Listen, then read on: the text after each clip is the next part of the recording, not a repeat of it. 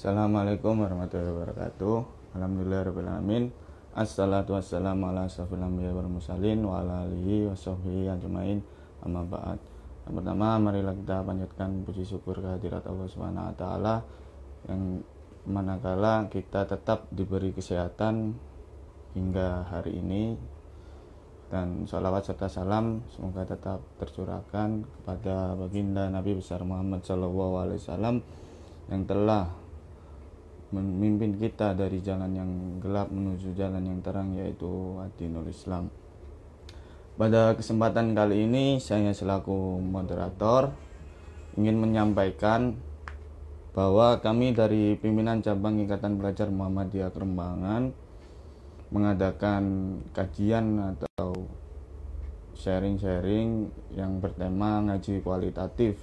Nah, apa sih ngaji kualitatif itu?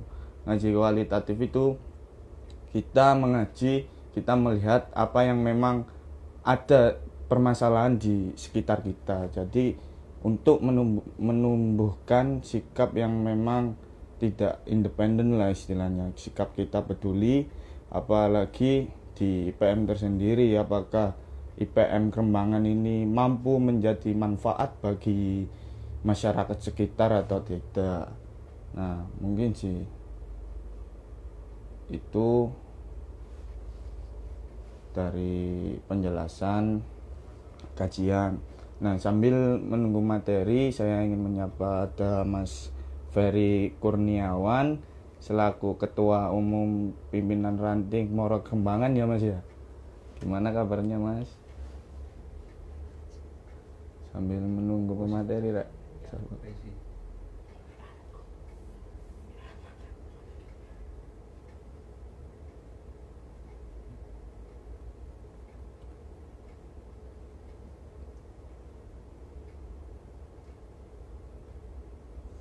Oke,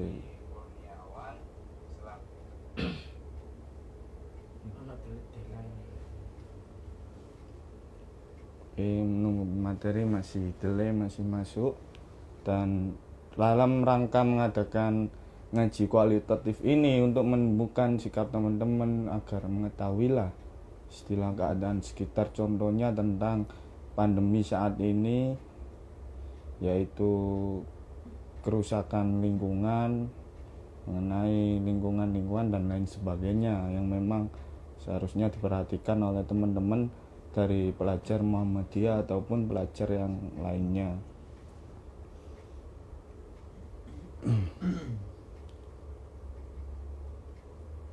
Oke ini ya siap-siap siap. Nah ini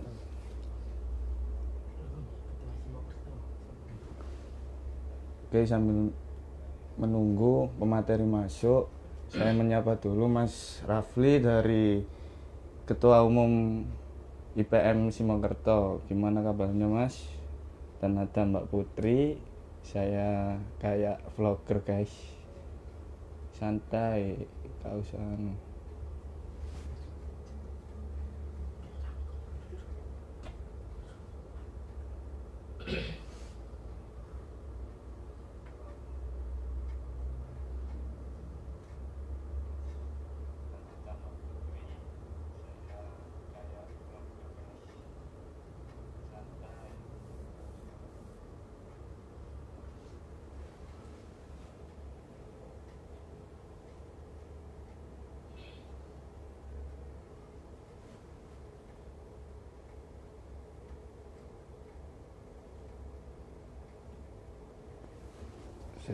Sabar ya rek ya.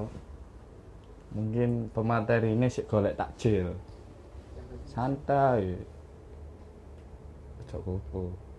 Kayak dikejar debt collector aja nah untuk tahap ngaji kualitatif ini tidak hanya sekali atau dua kali nanti ada berkelanjutan tentang untuk ke depannya bagaimana caranya menghadapi isu-isu lah istilahnya yang permasalahan yang memang ada di dunia ini. Nah, pemateri kita sudah masuk. Mungkin langsung saja kita Monggo Mas, diterima Mas.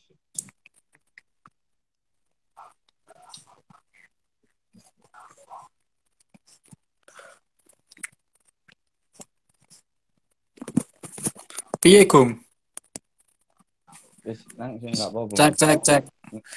Cek, cek. Krungu nggak? Krungu. Krungu kok, Mas. Oke. Tapi wajahku gak ketok ya. Iya wis gak apa-apa. Peteng ya soalnya. Rumahku mendung ya. Apa-apa. Iya gak Sebenarnya jelas ya. Iya, sing penting suara itu. Ben gak di anu kok di screenshot karo babang polis. Heeh. Aman, aman. Piye, Oke, piye, piye. nah, Ini ya, teman-teman Irmawan Irmawati di mana pun kalian berada, permantari sudah masuk. Nah, izinkan saya memperkenalkan atau nanti bisa diperkenalkan lebih jelasnya lagi dari Mas Afriski, biodatanya gimana dan awal mula seperti apa jalan kehidupannya nanti. Nah, dan memang langsung nanti langsung masuk ke tema pembahasan yaitu pandangan Islam dalam isu ekologi. Oke, mungkin langsung saja Mas Afriski bisa dimulai. Oke ya, bismillahirrahmanirrahim. Assalamualaikum warahmatullahi wabarakatuh. Waalaikumsalam. Ya, mengenai terkait masalah pandangan Islam dalam isu ekologi ini cukup menarik sebetulnya dibahas. Karena kalau kita menyikapi eh, isu problematika lingkungan atau ekologi pada hari ini, eh, banyak kita temui kan di media sosial itu sebetulnya eh, komunitas atau organisasi yang turut serta mengangkat isu lingkungan itu tadi. Tetapi yang menarik di sini adalah sekelas pelajar ya berani menyuarakan bagaimana isu ekologi ini dalam pandangan Islam yang biasanya pelajar itu cenderung uh, kajiannya ya seputar tentang agama, ibadah keseharian lah seperti itu. Nah, ini cukup diapresiasi bagi teman-teman IPM Kerembangan mau mengangkat isu tentang ekologi ini yang sedang ramai-ramainya dibahas di Indonesia. Uh, mengenai isu uh, Islam sendiri di dalam Al-Quran banyak sekali menyebutkan bahwasanya manusia itu memang ditakdirkan untuk menjadi khalifah atau pemimpin seperti itu. Artinya apa? Dalam uh, keseharian kita, dalam keseharian kehidupan kita, kita tidak bisa terlepas dari namanya tanggung jawab. Nah, seperti itu. Yang namanya pemimpin kan harus tanggung jawab. Tapi jangan jangan dijadikan bahwasanya uh, pemimpin itu hanya mengurusi mengenai tentang politik saja, akan tetapi pemimpin itu tanggung jawabnya luas. Dan pemimpin itu nggak harus menjadi ketua umum dulu, atau presiden dulu, atau gubernur dulu, atau bupati dulu.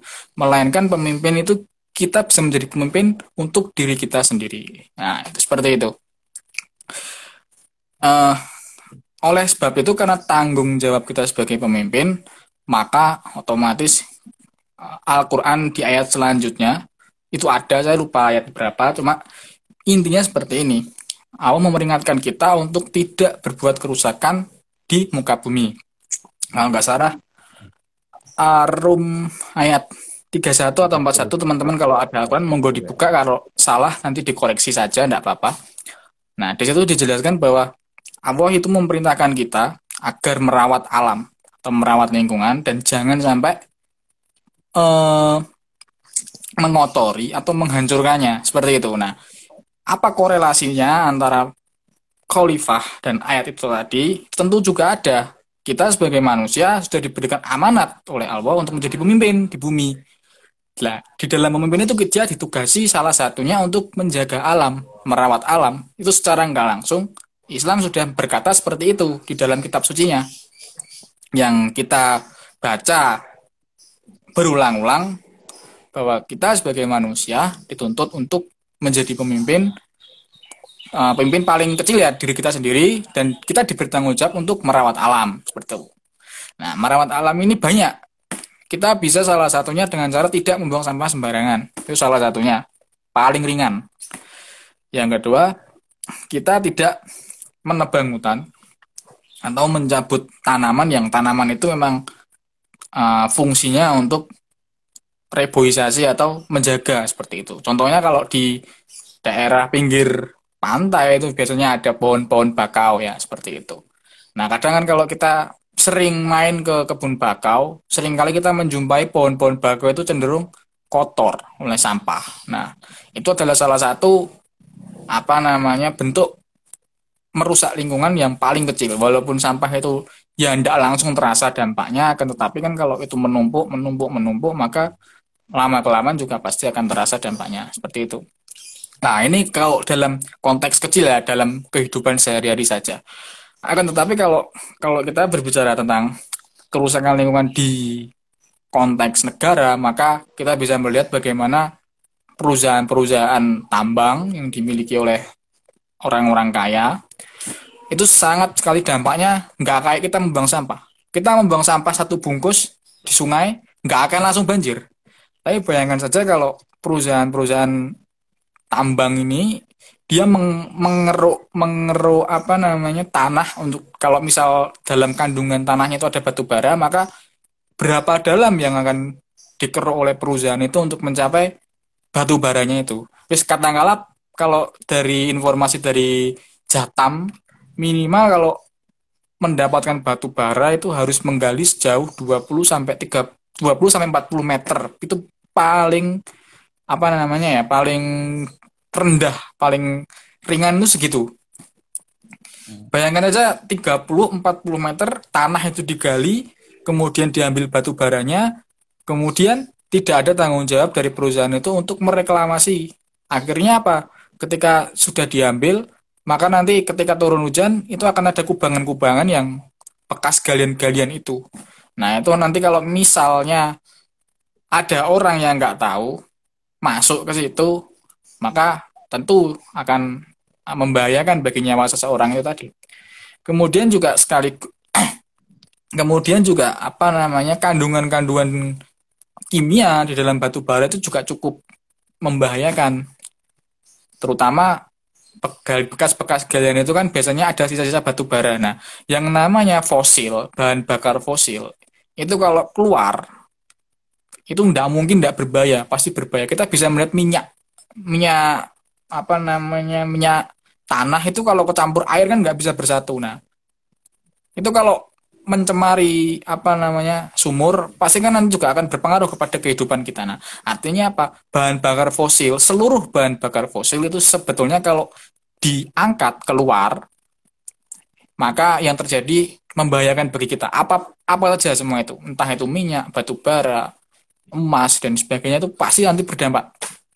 Nah, mengapa Allah mencipta Allah itu menaruh batu bara, minyak, emas dan lain-lain di bawah permukaan tanah itu bukan bukan tanpa tujuan sebetulnya. Ada tujuannya. Artinya apa? E, sesuatu yang berada di dalam tanah itu seharusnya tidak dikeluarkan. Kita bisa melihat lumpur lapindo itu e, wujud keserakahan manusia yang berupaya mengeluarkan isi dari pelut bumi. Ketika isi itu keluar, kita bisa melihat berapa kecamatan yang hilang gara-gara lumpur panas itu tadi. Nah, artinya apa?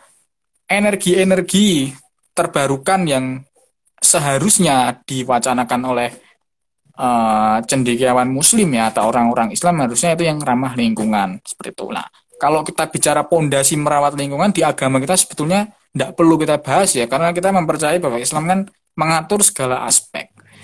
Teman-teman mungkin bisa cari referensi lain kalau saya bedah apa saja dasarnya, apa saja dalilnya untuk merawat alam, saya kira nanti ini bukan kajian, nanti seakan-akan saya ceramahan seperti itu. Nah, lebih baik teman-teman cari referensinya, banyak sekali dalil-dalilnya hadis Al-Quran, banyak banget. Salah satunya tadi saya sebutkan, sudahan, di Arum itu sudah ada. Kemudian kalau kita bicara dalam konteks yang lebih apa namanya umat, keumatan, kita berbicara tentang Muhammadiyah saja.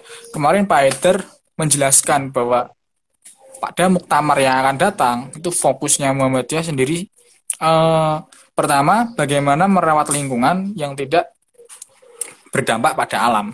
Eh, bagaimana energi energi yang kita gunakan sehari-hari ini bisa bagus dan tidak apa namanya rusak lingkungan. Nah, kalau kita mau berpikir kan di Indonesia ini adalah negara yang sebetulnya sangat strategis ya. Sangat strategis kemudian juga sinar matahari itu banyak banget.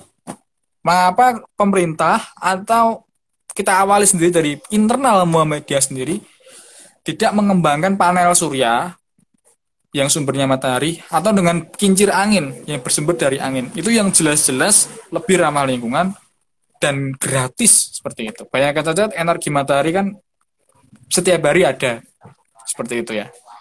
Nah, angin juga sama setiap hari ada dan kita nggak perlu susah-susah harus bangun PLTU atau PLTA yang mendung air sampai sedemikian banyak lalu kemudian itu matahari dan angin adalah energi yang sehari-hari kita mudah kita jumpai seperti itu bahkan kalau teman-teman ada modal bisa beli panel surya itu bisa digunakan untuk berapa tahun nah itu adalah salah satu implementasi dari ayat-ayat dalam Al-Quran menjaga alam seperti itu. Jadi kalau implementasinya sebenarnya banyak banget. Tidak hanya tidak membuang sampah, wudhu pun yang terkecil itu di wudhu. Berapa liter air yang kita gunakan untuk wudhu? Biasanya kalau laki-laki itu wudhunya nggak cuma muka saja, tapi seluruh kepala kadang direndam atau disirami semua. Nah itulah adalah berlebih-lebihannya teman-teman yang tanpa kita sadari itu juga termasuk salah satu um, merusak ekologi tadi. Bagian kenapa kok saya mengatakan merusak? Bayangkan saja air kalau misalnya air itu kita irit, kita gunakan dengan secukupnya, maka air yang seharusnya bisa digunakan oleh orang lain atau digunakan oleh yang tidak mempunyai PDAM itu kan bisa digunakan secara gratis seperti itu. Nah kalau kita berbicara masalah peran apa peran pelajar dan bagaimana pelajar mau menggerakkan mengenai masalah ekologi ini saya rasa uh, bukan wacana yang baru ya karena saya beberapa kali melihat di media sosial bahkan pimpinan pusat ikatan pelajar Muhammadiyah sendiri sudah mewacanakan itu bahkan di pimpinan wilayah juga sama. Kemarin sempat membahas tentang itu. Artinya apa? Ini sebetulnya bukan wacana baru tapi ini wacana lama yang harus segera direalisasikan. Nah ini barangkali PM Kerembangan bisa menjadi pelopor IPM tingkat uh, cabang yang mau bergerak progresif untuk mengimplementasikan ayat-ayat tadi. Jadi tidak hanya sampah saja, banyak sekali yang bisa kita apa namanya gunakan. Terutama kalau teman-teman ini tinggal di Surabaya, teman-teman bisa melihat berapa ruang resapan yang ada di Surabaya, berapa ruang hijau yang ada di Surabaya, sejauh mana uh, Surabaya itu mempunyai uh, taman-taman. Taman-taman yang di sini bukan berarti taman-taman yang isinya cuma sekedar tanaman hias, tapi tanaman yang mampu hmm. menghasilkan oksigen dalam jumlah besar, tanaman yang mampu menyerap air dalam jumlah banyak. Seperti itu yang saya maksud.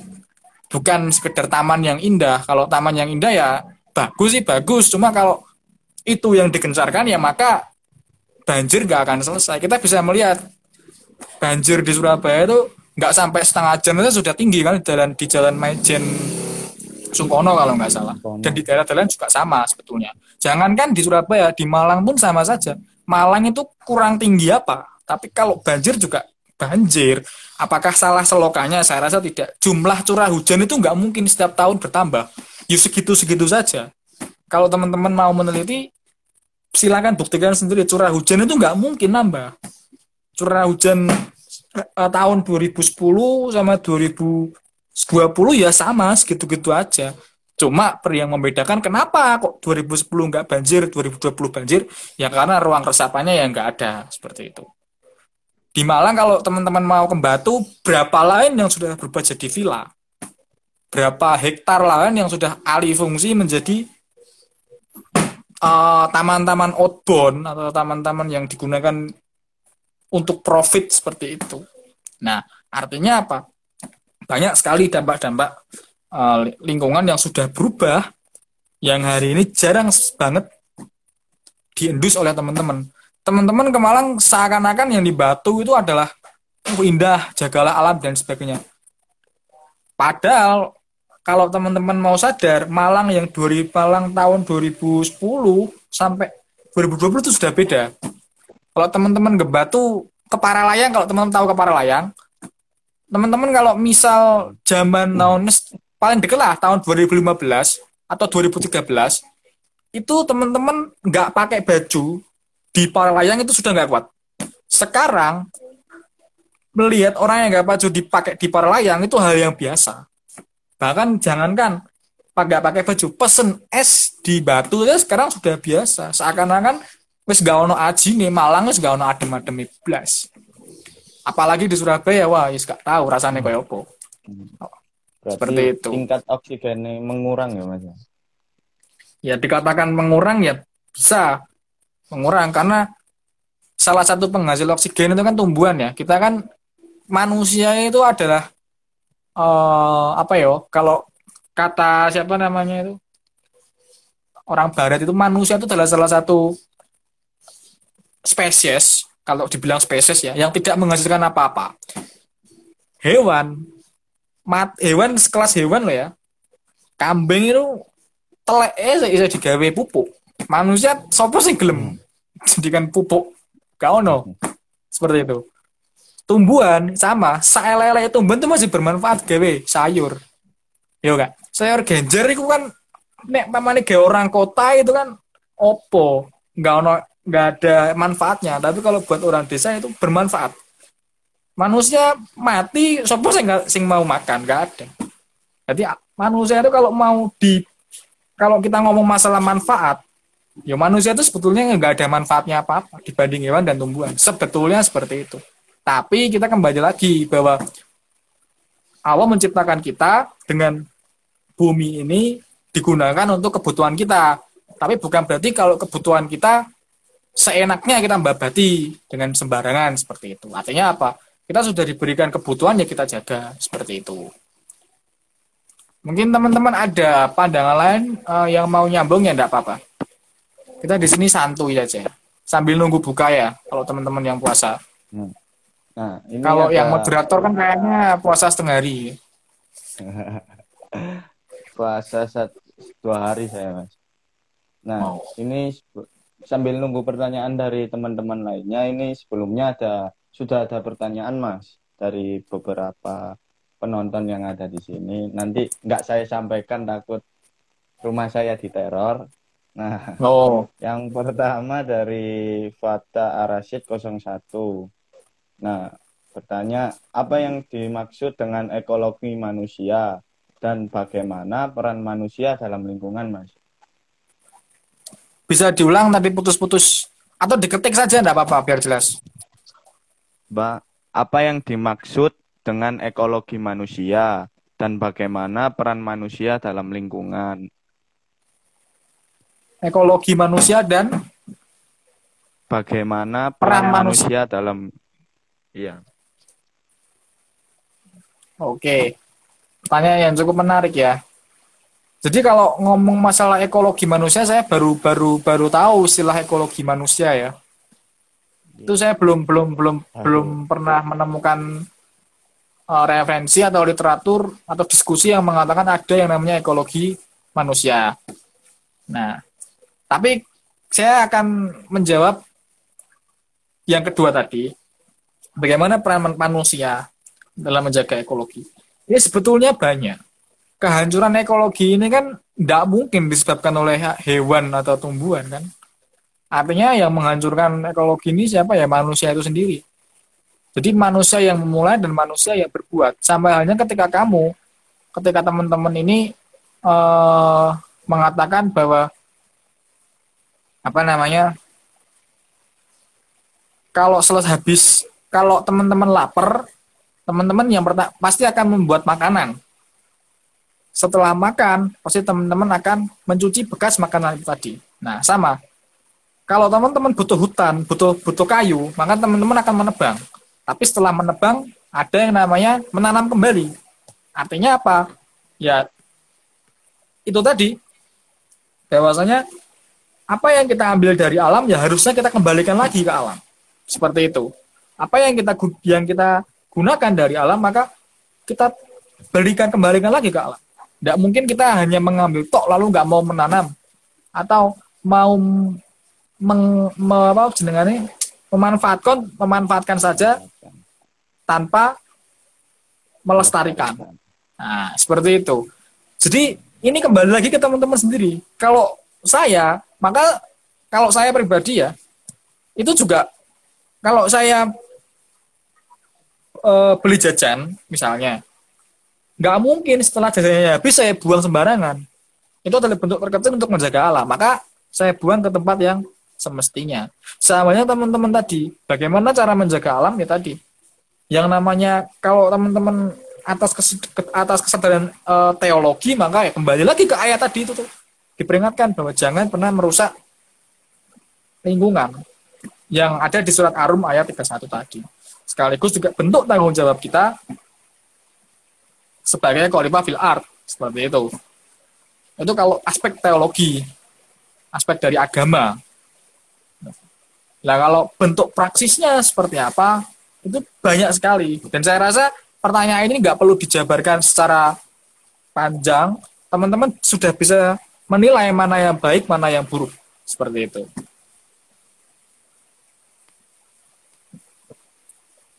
Ya. Ada lagi? Mungkin sebenarnya pertanyaannya itu sudah sama sih memang unsurnya sama dan memang sudah dijawab ter, sudah sampaikan terlebih dahulu dan apa memang kita sebagai pelajar apalagi umat Islam tersendiri memang sudah sepatutnya kita menjaga apa yang memang sudah diberikan oleh Allah Subhanahu wa taala. Nah, Mungkin ada pertanyaan dari teman-teman yang mengikuti live hari ini. Mungkin bisa diketik. Malang hadir Sam. Oi. Ya ini bisa ditanyakan teman-teman yang tinggal di Malang. Saat dem apa Malang sekarang? Ya, mungkin yang berada di Malang, Mas paracetamol 2911. Gimana sih keadaan Malang saat ini, Mas? Apakah masih tetap dingin pada tahun 2015 sebelumnya atau berbeda suhunya mas? Saya kemarin terakhir ke Malang, eh kok ke Malang? Saya kemarin pas pas di Malang itu melihat kalau teman-teman lewat daerah apa namanya pasar Klojen kalau nggak salah ya pasar Klojen eh pasar pasar bukan Klojen pasar Belimbing arah mau ke Soekarno Hatta. Itu setahu dulu ketika saya tahun 2013 2014 2013 itu masih banyak tumbuhan di tengahnya. Di kanan itu masih banyak. Tapi tahun 2017 2018 itu sudah gundul wis aku nggak ngerti maksudnya apa kenapa pohon-pohon itu ditebang entah itu atas nama kerapian atau bagaimana. Yang saya rasa malah tambah tandus. Itu baru di Malang kotanya itu belum ke atas. Kalau teman-teman mau ke arah Batu di, di depan UMM itu sudah habis itu. Pohon-pohon. Udah tinggal sedikit lah nggak kayak dulu lagi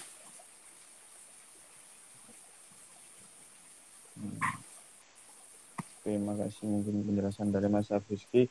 Nah, mungkin itulah pandangan Islam dalam isu ekologi mungkin sudah dijelaskan. Bisa dilihat dari teologi Al-Quran surat Ar-Rum ayat 41 kalau nggak salah ya Mas ya? Ayat 41 ya Mas ya? Nah seperti itu mungkin pandangan Islam. Nah ini mumpung waktu masih banyak kita coba melebar sedikit ya Mas ya Nah, ini kan dalam masa pandemi corona ini mungkin apa sih sisi baik dan sisi buruknya dari pandemi ini terhadap bumi, terhadap alam itu sisi baik dan buruknya itu seperti apa, Mas? Mungkin bisa jelaskan. Ya.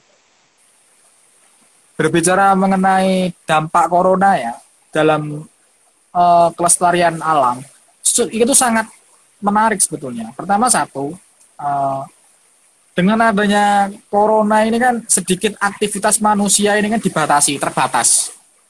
Banyak industri-industri yang dulunya menghasilkan karbon dioksida yang banyak, kemudian pencemaran air yang buahnya di pandemi ini mulai berkurang. Otomatis pencemaran di udara dan di air pun juga turut berkurang. Lalu kemudian dari mobilitas keseharian kita, teman-teman kan banyak yang menggunakan sepeda motor. Ya. Dengan gerakan di rumah aja, ini kan maka banyak teman-teman yang membatasi aktivitasnya untuk keluar-keluar yang tidak begitu penting. Artinya apa? Banyak emisi eh, sedikit-sedikit banyak emisi gas yang biasanya dikeluarkan oleh kendaraan kita tetap berkurang. Sehingga kalau teman-teman mau membuktikan, cobalah habis eh, subuh atau pagi keluar, teman-teman hirup udaranya tentu sangat berbeda daripada udara-udara yang bulan-bulan sebelum adanya pandemi ini lebih sejuk, lebih segar, dan lebih dingin seperti itu. Itu itu bukti nyatanya ya. Kalau dalam masalah air saya belum tahu kalau bukti yang air bagaimana karena di rumah saya belum tidak terlalu terdampak kalau masalah air yang saya masih bisa lihat secara nyata itu dari kualitas udara seperti itu kualitas udara uh, adanya pandemi ini cukup meningkat bahkan di studi di media-media yang dapat kita temui di internet, kualitas udara di, di dunia ini meningkat berapa persen dengan adanya pandemi ini. Nah, mungkin sisi ya, bagusnya, sisi, sisi positifnya adanya pandemi ini seperti itu. Wah, Tapi sisi buruknya, sisi buruknya karena kita banyak diam di rumah, maka produksi sampah semakin banyak. Karena mau ngapain kalau nggak nyemil kan kalau teman-teman seperti itu. Uh, itu yeah. sampah limbah medis terutama ya, itu meningkat tajam. Itu sisi uh, sisi buruknya. Tapi ya apa namanya ya? Yang namanya adanya pandemi ada plus dan minus dan itu saya rasa hal yang normal saja lah. Tapi kita patut bersyukur dengan adanya pandemi ini maka yang tadinya jarang berkumpul oleh keluarga sekarang berlama-lama dengan keluarga. Yang tadinya kedunian kerjotok rano ini saya ini ini suwi ya. Jadi ada sisi baiknya lah. Ya sisi buruknya ya PHK masal. Hmm. Mungkin banyak juga sisi baik dan buruknya ya Mas ya mungkin tertutupnya lapisan ozon mungkin selama ini jadi PR dari seluruh dunia juga dan mungkin sisi buruknya juga kita memang terlalu over konsumtif lah istilahnya di rumah untuk memakai listrik dan memang banyak dan di Indonesia tersendiri sumber listrik terbesar mungkin dari PLTU ya mas ya tenaga uap dari tambang gitu ya mas ya bener mas apa apa Putus, putus, putus, putus.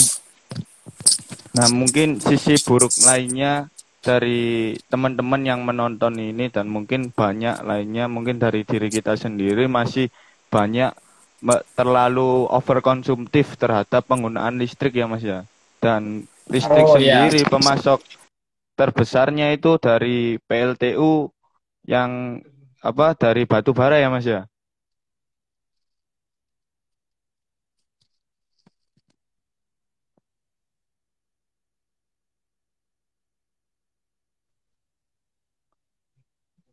lu nah mungkin itu sih sisi buruk dan sisi baiknya ini kayaknya teman nah